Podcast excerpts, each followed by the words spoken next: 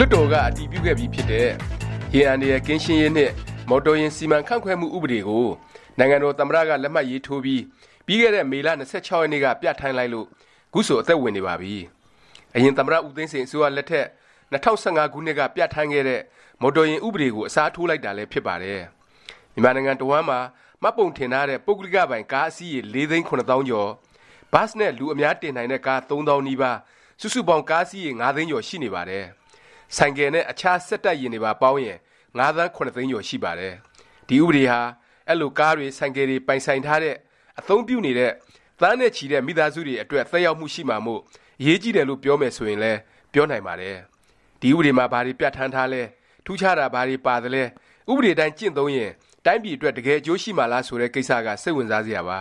ခုတစ်ပတ်အသစ်ပြဋ္ဌာန်းလိုက်တဲ့မော်တော်ယာဉ်စီမံခန့်ခွဲမှုဥပဒေအကြောင်းလေ့လာတင်ပြသွားပါမယ် ဥပဒေပုံမှ86 မှာ မော်တော်ဆိုင်ကယ်ကို မောင်းနှင်စီးနင်းရာတွင် ရှေမီအနှိမ်ကို နေညအချိန်တိုင်းတွင် ဖွင့်၍မောင်းနှင်ရန် ပျက်ကွက်ခြင်း မရှိစေရ ဆိုပြီး ပြဋ္ဌာန်းထားပါတယ်။ဒီပြဋ္ဌာန်းချက်ကတော့ အသစ်ဖြစ်ပါတယ်။လိုက်နာမှု မရှိဘူးဆိုရင် ဒဏ်ငွေ၃သောင်းချမှတ်ရမယ် ဆိုပြီး ပြဋ္ဌာန်းထားပါတယ်။ဒါ့အပြင် ဆိုင်ကယ် အိတ်ဇောကအသံထိန်းကိရိယာကို ဖြုတ်ပြီးမောင်းတာ၊နောက်ကြည့်မှန် မပါတာ၊စံချိန်စံညွှန်းမီတဲ့ ဆိုင်ကယ်စီး ဦးထုပ်မဆောင်းပဲ ဒါမှမဟုတ် မေးတိုင်းကြိုးကိုသေချာမတက်ပဲမောင်းတာစီးတာမျိုးဆိုရင်လည်းငွေဒဏ်သုံးသောင်းချမှတ်ဖို့ပြဋ္ဌာန်းထားပါတယ်။ဒီပြဋ္ဌာန်းချက်တွေဟာမြန်မာနိုင်ငံအနှံ့အပြားက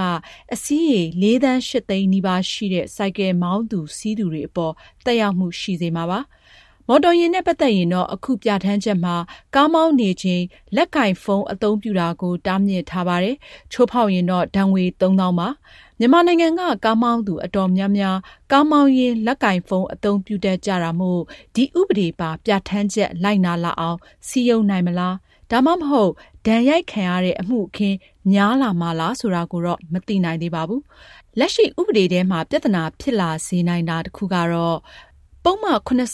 (က)ပါ ပြဌာန်းချက်ပါ။အဲဒီမှာ ဖော်ပြထားတာကတော့ ကားအရောင်းအဝယ် လုပ်ခဲ့ရင် စာချုပ်ချုပ်တဲ့နေ့ကနေရက်ပေါင်း၃၀အတွင်းယာဉ်ပိုင်ရှင်နာမည်ပြောင်းလျှောက်ထားရမယ်လို့ဆိုထားပါတယ်။တကယ်လို့လျှောက်ထားဖို့ပျက်ကွက်တယ်ဆိုရင်ဒဏ်ငွေကျပ်၃သိန်းချမယ်လို့ဖော်ပြထားပါတယ်။ပို့ဆောင်ရေးနဲ့ဆက်သွယ်ရေးဝန်ကြီးဌာနလက်အောက် ကုန်းလမ်းသယ်ယူပို့ဆောင်ရေး ညွှန်ကြားမှုဦးစီးဌာန(ကညန)ဟာ ပြီးခဲ့တဲ့ ၂၀၂၀ ဇန်နဝါရီလ ၁ ရက်နေ့ကစပြီး အခွန်ဆောင်ထားပြီးတဲ့သူတွေကိုပဲ ကားနာမည်ပေါက် လုပ်ပေးမယ်၊မော်တော်ယာဉ်လိုင်စင် သက်တမ်းတိုးပေးမယ် ဆိုပြီး ကြေညာထားသလို စပြီးတော့လည်း အကောင်အထည် ဖော်နေပါတယ်။ကားနာမည်ပြောင်းပေးဖို့ ဆိုပြီး ကညန မှာ ဒီအတိုင်း သွားလျှောက်လို့ မရတော့ပါဘူး။အဲလို ယာဉ်လိုင်စင် သက်တမ်းတိုးတာ၊ကားပိုင်ရှင် နာမည်ပြောင်းတာကို အခွန်ကိစ္စနဲ့ ဆက်စပ်လိုက်တော့ ပြည်သူအတော်များများဒုက္ခရောက်ကုန်ပါတယ်။ကားလက်လွဲဝယ်ယူခဲ့သူတယောက်အနေနဲ့သက်ဆိုင်ရာအခွန်ရုံးမှာငွေသားနဲ့အခွန်ဆောင်ရင်အထိုက်လျောက်အဆင်ပြေနိုင်ပေမယ့်အခွန်ထမ်းတွေအနေနဲ့သူဆောင်ထားတဲ့အခွန်ကနေ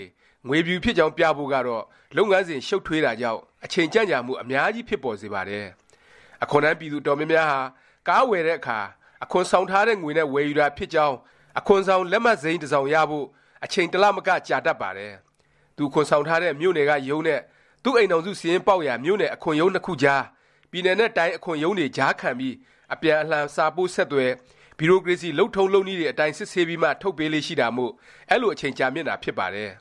အခုပြဋ္ဌာန်းပြီးဥပဒေတိုင်းဆိုရင်တော့အဲ့လိုနာမည်ပြောင်းအချိန်မီလျှောက်ထားနိုင်ခြင်းမရှိသူတွေအတွက်ဒဏ်ငွေ၃သိန်းဆောင်ကြရမယ့်ကိန်းပါပဲ အခုဥပဒေထဲထူးခြားတာတစ်ခုက လိုင်စင်မပါဘဲကားမောင်းမိရင်တစ်လထက်မပိုတဲ့ထောင်ဒဏ်ဖြစ်စေ၊ကျပ်တစ်သိန်းထက်မပိုတဲ့ငွေဒဏ်ဖြစ်စေ၊ဒဏ်နှစ်ရပ်လုံးဖြစ်စေချမှတ်ရမယ်ဆိုတဲ့အချက်ပါပဲ။လူတစ်ယောက်ကားမောင်းလိုင်စင်မေ့ကြံပြီးကားမောင်းမိတာနဲ့အခက်မသင့်ရင်ထောင်ထဲရောက်သွားနိုင်တဲ့ပုဒ်မမျိုးပါ။ဥပဒေထဲကအငြင်းပွားစရာအရှိဆုံးပြဌာန်းချက်ကတော့ Without လို့ခေါ်တဲ့လိုင်စင်မဲ့ယာဉ်တွေကိစ္စပါ။ ပုဒ်မ ၈၅(က)မှာ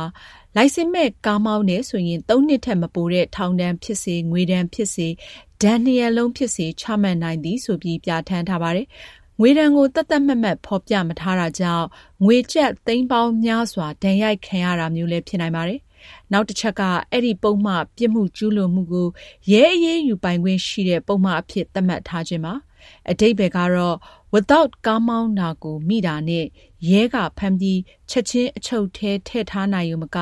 ထောင်၃နှစ် အကန့်အသတ်မဲ့ငွေဒဏ်ချမှတ်နိုင်တဲ့ပုဒ်မနဲ့ တရားစွဲခံရနိုင်တယ်ဆိုတာပါပဲ။လက်ရှိနိုင်ငံအခြေအနေကိုအသေးချာပြန်ကြည့်ရင် without လို့ခေါ်တဲ့လိုင်စင်မဲ့ကားတွေကိုပြည်နယ်အတော်များများမှာအသုံးပြုနေကြတာတွေ့နိုင်ပါတယ်။လက်နက်ကိုင်တပ်ဖွဲ့နဲ့သူတို့မိသားစုဝင်တွေက without ကားတွေကိုအသုံးပြုကြပါတယ်။ အဲဒီလက်နက်ကိုင်အဖွဲ့တွေကထုတ်ပေးထားတဲ့လက်မှတ်တွေနဲ့စီးတဲ့ without ကားတွေရှိကြသလို၊ပြည်သူတွေကနားလည်မှုနဲ့စီးနေကြတာလည်းအများအပြားပါ။မြန်မာတစ်နိုင်ငံလုံးဆိုရင်သောင်းနဲ့ချီရှိနိုင်ပါတယ်။အဲလိုနေရာအနှံ့အပြားမှာသုံးနေတဲ့ without ကားတွေကိုဒီဥပဒေနဲ့တကယ်အရေးယူနိုင်မလားဆိုတာကတော့သံသယဖြစ်စရာပါပဲ။တစ်ဖက်မှာပြင်းထန်တဲ့ဥပဒေကိုပြဌာန်းထားပေမယ့်အခြားတစ်ဖက်မှာတော့ဥပဒေနဲ့အညီအရေးမယူနိုင်ဘူးဆိုရင် တစ်ချို့သော without သုံးတဲ့ပြည်သူတွေအပေါ်ရဲတပ်ဖွဲ့ကငွေညှစ်တဲ့၊အနိုင်ကျင့်ရာမှာအသုံးပြုတဲ့ဥပဒေဖြစ်သွားနိုင်လို့ပါပဲ။လက်ရှိဥပဒေထဲမှာလက်တွေ့ကျတာဆိုလို့ကားလိုင်စင်သက်တမ်းတိုးရင်လုပ်ကိုင်ရတဲ့ယာဉ်စစ်ဆေးခြင်းလုပ်ငန်းပုဂ္ဂလိကကုမ္ပဏီတွေကိုလုပ်ခွင့်ပေးမယ့်ကိစ္စတစ်ခုတော့ပါပါတယ်။လက်ရှိမြန်မာနိုင်ငံမှာကားအမျိုးမျိုးအစီးရေ၈သိန်းကျော်လောက်ရှိပြီး၂နှစ်တစ်ကြိမ်လိုင်စင်သက်တမ်းတိုးရပါတယ်။တိုးတဲ့အခါတိုင်းယာဉ်စစ်ဆေးတာလုပ်ရပါတယ်။ဒီအတွက် အရည်အတွက်နည်းနည်းပဲရှိတဲ့ကညနရုံးတွေဟာတစ်နှစ်ကိုကားစီးရေ၄သိန်းနီးပါး၊တစ်လကိုအစီးရေ၃သောင်း၃ထောင်ကျော်လောက်သက်တမ်းတိုးယာဉ်စစ်ဆေးပေးရပါတယ်။ဒါတောင်ဆိုင်ကယ်တွေမပါသေးပါဘူး။ဒီအချက်အလက်ကိန်းဂဏန်းကိုကြည့်ရင်ကညနဟာယာဉ်စစ်ဆေးတဲ့လုပ်ငန်းကိုမနိုင်မနင်းလုပ်နေရတယ်ဆိုတာပေါ်လွင်စေပါတယ်။အခုဥပဒေအရ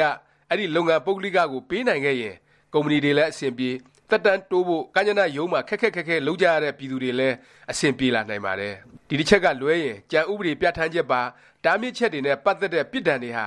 ပြင်းထန်၊ဒဏ်ငွေတွေကမြင့်မားနေလို့တကယ်ကျင့်သုံးတဲ့အခါအခက်အခဲရှိစေနိုင်ပါတယ်။အဲလိုဥပဒေမှာလက်တွေ့မကျတဲ့ပြဌာန်းချက်တွေပါလာရင်ဥပဒေပါရည်ရွယ်ချက်အကောင်အထည်ပေါ်လာမှာမဟုတ်ပဲအာဏာပိုင်အဖွဲ့အစည်းတွေရဲ့ပြည်သူတွေအပေါ်ငွေညှစ်တာ၊ခြိမ်းခြောက်အကြပ်ကိုင်တာနဲ့အဂတိလိုက်စားမှုတွေသာတိုးပွားလာနိုင်ကြောင်းပါ